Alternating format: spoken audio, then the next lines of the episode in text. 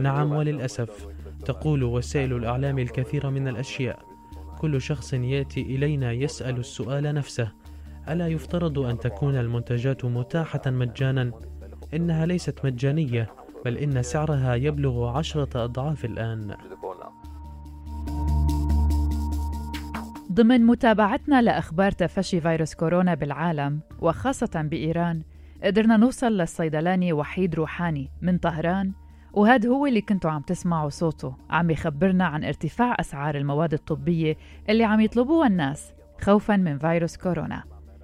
ففي ظل تفشي مرض كورونا بشكل كبير بين الإيرانيين وتكتم السلطات هناك يعبر الكثير من الإيرانيين عن قلقهم من نقص المواد والتجهيزات الطبية الخاصة لمواجهة الفيروس.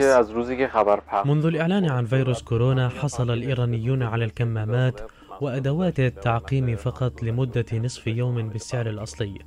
وفي اليوم التالي ارتفعت أسعار هذه المنتجات ثلاث أو أربع مرات وفي بعض الحالات خمس مرات. وهذه تكلفة غير عادية بالنسبة للزبائن.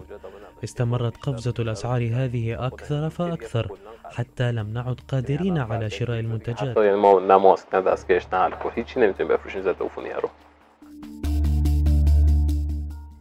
أكد الصيدلاني استنفار الشعب الإيراني للحصول على أدوات الوقاية من كورونا. في كل دقيقة يطلب ما لا يقل عن خمسة أشخاص هذه المنتجات الطبية.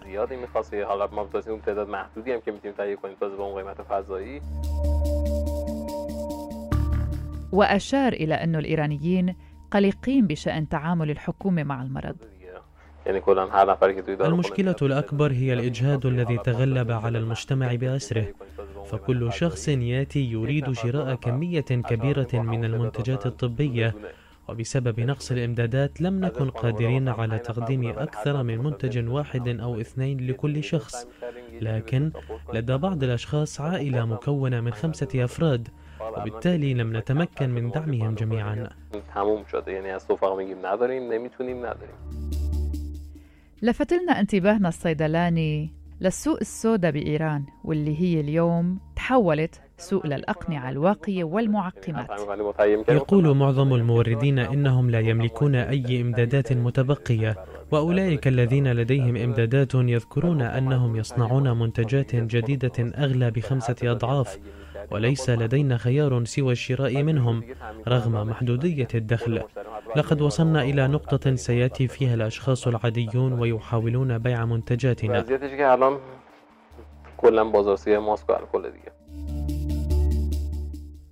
وحيد روحاني أكد بأن التجهيزات الطبية الخاصة بمكافحة الفيروس لا تتواجد في كل المراكز الطبية. ما يعني أنه يتم إدخالها إلى المراكز التي يتواجد فيها المصابون بفيروس كورونا فقط. لقد اتصلت بعدد قليل من أصدقائي الذين يعملون في مراكز من المفترض أنها تقدم خدمات صحية فيقولون إن ليس لديهم أي إمدادات وأحيانا يتصلون بنا ويطلبون منا إرسال بعض المستحضرات الصيدلانية إليهم. مع من قاموا بالفعل بتوزيع المنتجات لا أعرف ولكن بالتأكيد لم يكن ذلك لنا أو للمستشفيات وحتى العيادات والأطباء الذين نعمل معهم لسنوات. لم يتمكن أي منهم من الاستفادة من هذه الخدمة.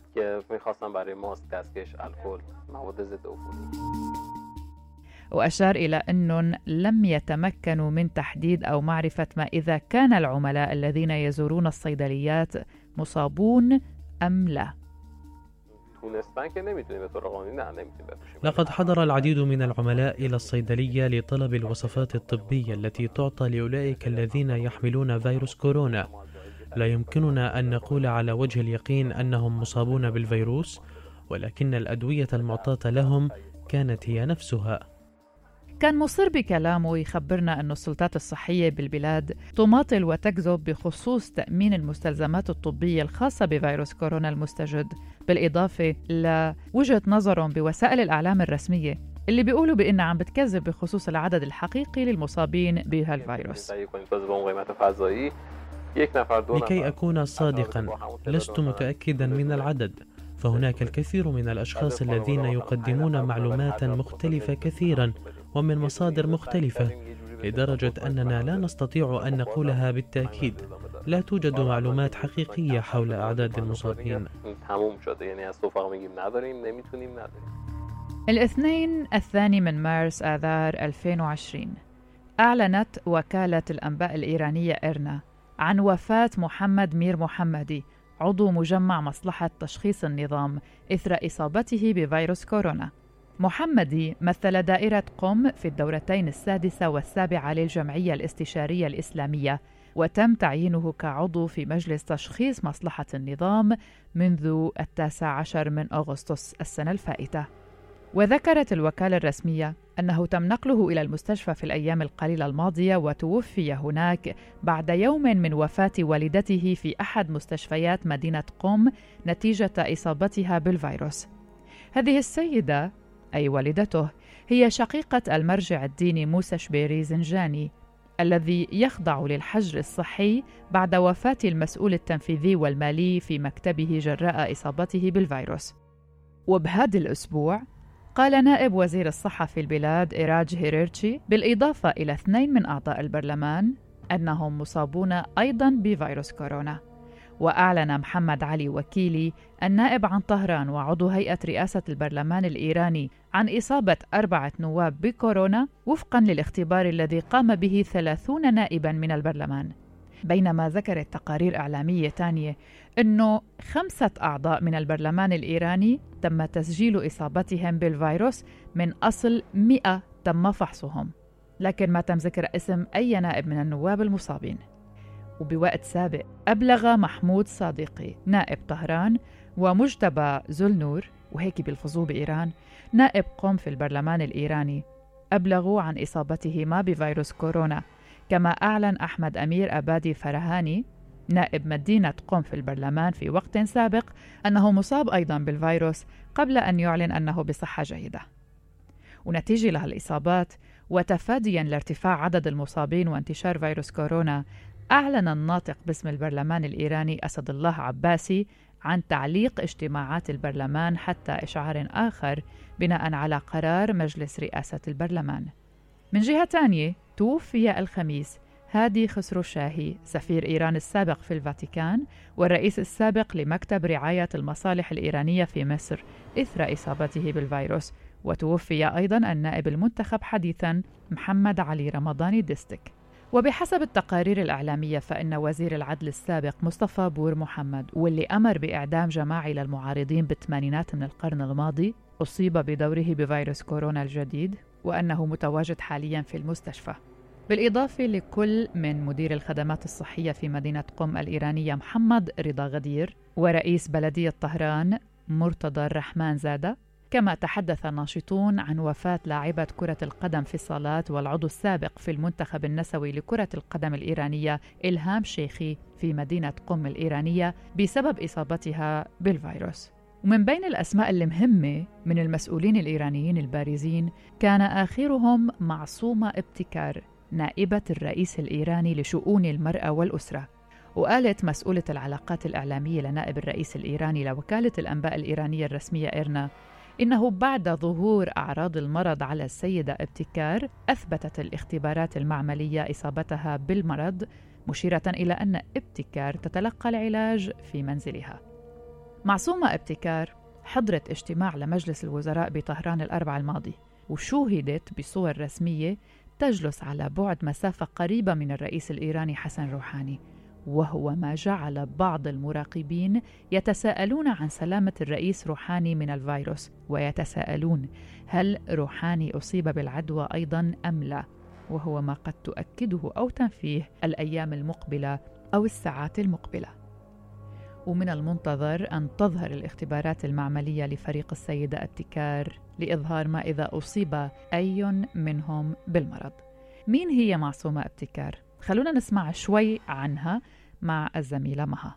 تشغل معصومة ابتكار حاليا منصب نائب الرئيس الإيراني لشؤون المرأة والأسرة وتعد أقوى امرأة في السياسة الإيرانية. وكانت المتحدثة باسم محتجزي الرهائن عام 1979 أثناء أزمة السفارة الأمريكية.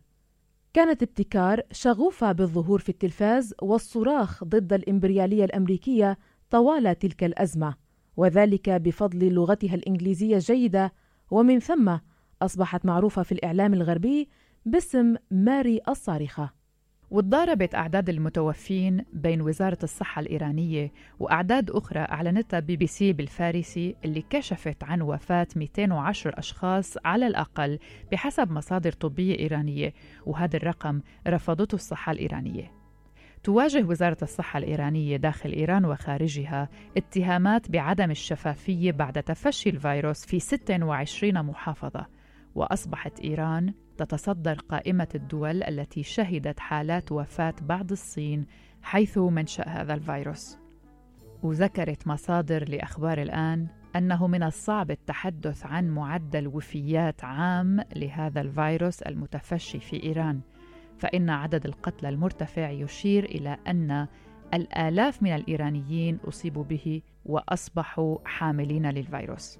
رد المسؤولين الإيرانيين على تفشي المرض كان فعلا رد مأساوي إذ نفى نائب وزير الصحة إيراج هيريتشي أن يكون هناك إصابات كثيرة وهو ذات نفسه مصاب بالفيروس سؤال هون كتير مهم لماذا إيران؟ ماذا حدث هناك؟ رح نسمع من زميلنا محمد فروانة هالتحليل. تقول مصادر أخبار الآن إنه من الواضح الحلقات الدراسية الدينية ولا سيما في قم أصبحت أرضا موبوءة بانتشار الفيروس. كانت السلطات الإيرانية بطيئة للغاية في الرد. لم يكن هذا فقط بسبب عدم الكفاءة كان هناك سبب سياسي لمحاولة النظام الإيراني التستر على تفشي فيروس كورونا. وفقا لذلك تجنب المسؤولون أن يكونوا شفافين بشأن الموجة الهائلة من تشخيصات فيروس كورونا في مدينة قم لأنهم كانوا قلقين بشأن تدني نسبة إقبال الناخبين في الانتخابات التشريعية الأخيرة. لقد شعرت السلطات الإيرانية أنه إذا كانت شفافة حول المدى الحقيقي لتفشي المرض فإن الإقبال سيكون أقل. لذا اختاروا أمرا أسهل بالنسبة لهم وهو وضع صحة الشعب الإيراني في خطر من أجل الحصول على النتائج التي يريدونها في الانتخابات وبالتالي بقيت المستشفيات غير مهيئة رغم انتشار أخبار وفاة العديد من العاملين الصحيين أثناء محاولتهم أداء وظائفهم مزيج من سوء التقدير السياسي وعدم الكفاءة المهنية وحتى التقليل من خطر فيروس كورونا المستجد. هذه الأمور جميعها حولت إيران إلى ثاني أكثر البلدان تضررا بعد الصين من حيث عدد الوفيات. يبدو أن إيران فشلت في تعلم الدرس بعد إسقاط الطائرة الأوكرانية وكيف كان التستر لا يخدم مصالحها الوطنية. لقد كرروا نفس الخطأ الآن بالنسبة لفيروس كورونا المستجد. هذه ليست كارثة طبيعية هذا ليس من قبيل الصدفة إنها كارثة من صنع الإنسان كنتيجة مباشرة لعقلية الملالي هذا هو السبب الفعلي لتفشي الفيروس في إيران إنه لسوء حظ وخطر كبير أن تكون مواطنا ايرانيا يعيش في إيران. لقد خذلهم نظامهم وفيروس كورونا المستجد يهدد رفاهية الأمة الإيرانية. هاد واحد من الأشياء اللي عم بقرأ لكم إياها انكتبت عن إيران بهالكم يوم. هاد مو كل شيء وإنما إيران تحولت لكونها بتشكل تهديد لتفشي الفيروس بدول الجوار وبالعالم العربي. فقد أعلنت دول عربية عدة مؤخرا عن زيادة أعداد المصابين بالفيروس لديها كما علق العراق والكويت الدراسة مؤقتا بسبب تفشي المرض. وبتحقيق قامت به هيئة الإذاعة البريطانية. أفادت بأن إيران اليوم تضيف لما تصدره من إرهاب دموي الإرهاب الصحي حيث تفشى فيروس كورونا في معقل الملالي مدينة قم ومنها انتقل لمن يذهبون لزيارتها من أتباع المذهب الشيعي من دول عربية حيث بدأت بلبنان ووصلت الحالات للكويت والبحرين والإمارات. وأرجع التحقيق السبب في هذا إلى تكتم إيران عن انتشار الفيروس فيها وعدم إعلانها عن ذلك كما تفعل كل الدول الطبيعية. وصرح مدير عام منظمة الصحة العالمية تيدروس جيبريسوس إن تفشي فيروس كورونا قد وصل إلى مرحلة حاسمة وهناك احتمالات أن يتحول إلى وباء شامل. ولحد اليوم تحتل إيران وإيطاليا مركزين رئيسيين من حيث نقل العدوى إلى مناطق أخرى عن طريق أشخاص كانوا بزيارة هالدولتين. وبعد يوم واحد من إعلان الجيش الإيراني استعداده للانضمام إلى الحرب ضد فيروس كورونا دخل الحرس الثوري الإيراني رسميا مساء أمس على ملف مكافحة الفيروس المنتشر في البلاد. وأفادت وكالة أنباء فارس أن الحرس الثوري الإيراني أعلن أنه شكل مقرا خاصا لمكافحة كورونا مستنفرا كل إمكانياته في هذا الصدد. وبينما تقول قوات الأمن والحرس الثوري إن مشاركتها تأتي في إطار استنفار كافة الطاقات والإمكانيات لمكافحة انتشار الفيروس اعتبر ناشطون أن هذا الانتشار يأتي تحسبا لاندلاع احتجاجات ضد النظام بسبب سوء إدارته للأزمة والتعامل الأمني مع تفشي المرض خاصة بعد عدة تجمعات في مختلف المناطق ضد تقصير الحكومة في احتواء الكارثة خلال الأيام الماضية. وكالة الطلبة الإيرانية إيسنا قالت إن الحرس الثوري وميليشيات الباسيج سيبقيان في الشارع إلى أن يعود الوضع إلى طبيعته وهذا ما يفسر خوف النظام من الاحتجاجات في المدن حيث يزداد الوضع توترا وخطورة.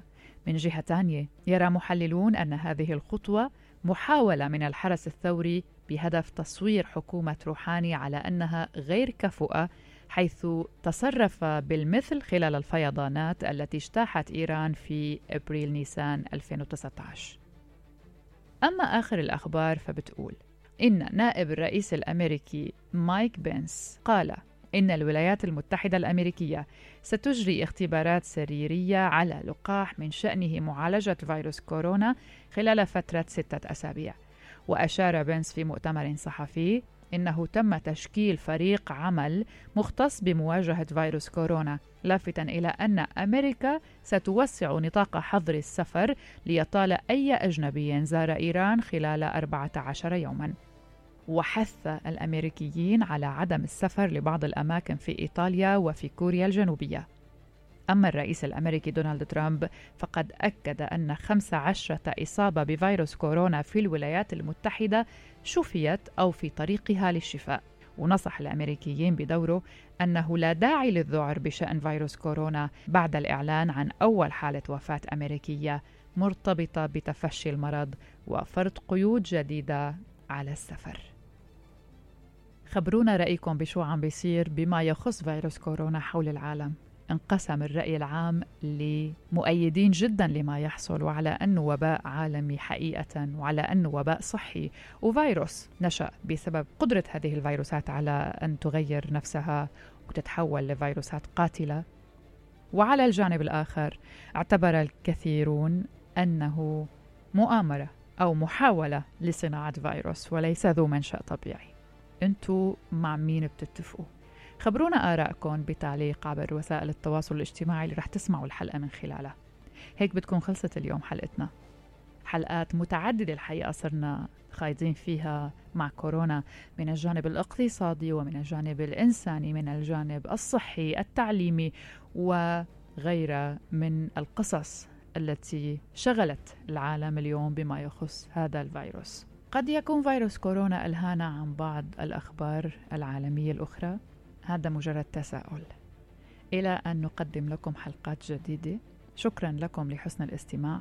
لا تنسوا تتابعونا دايما عبر منصات بودكاست iTunes أو Apple Podcasts Google Podcasts Spotify SoundCloud وكمان عبر تطبيق أنغامي. فيكن دايما تسمعونا وتتابعونا عبر موقعنا الرسمي للراديو الآن دوت إف إم. شكرا لكم بالإعداد والتقديم كنت معكم براء صليبي. إلى اللقاء.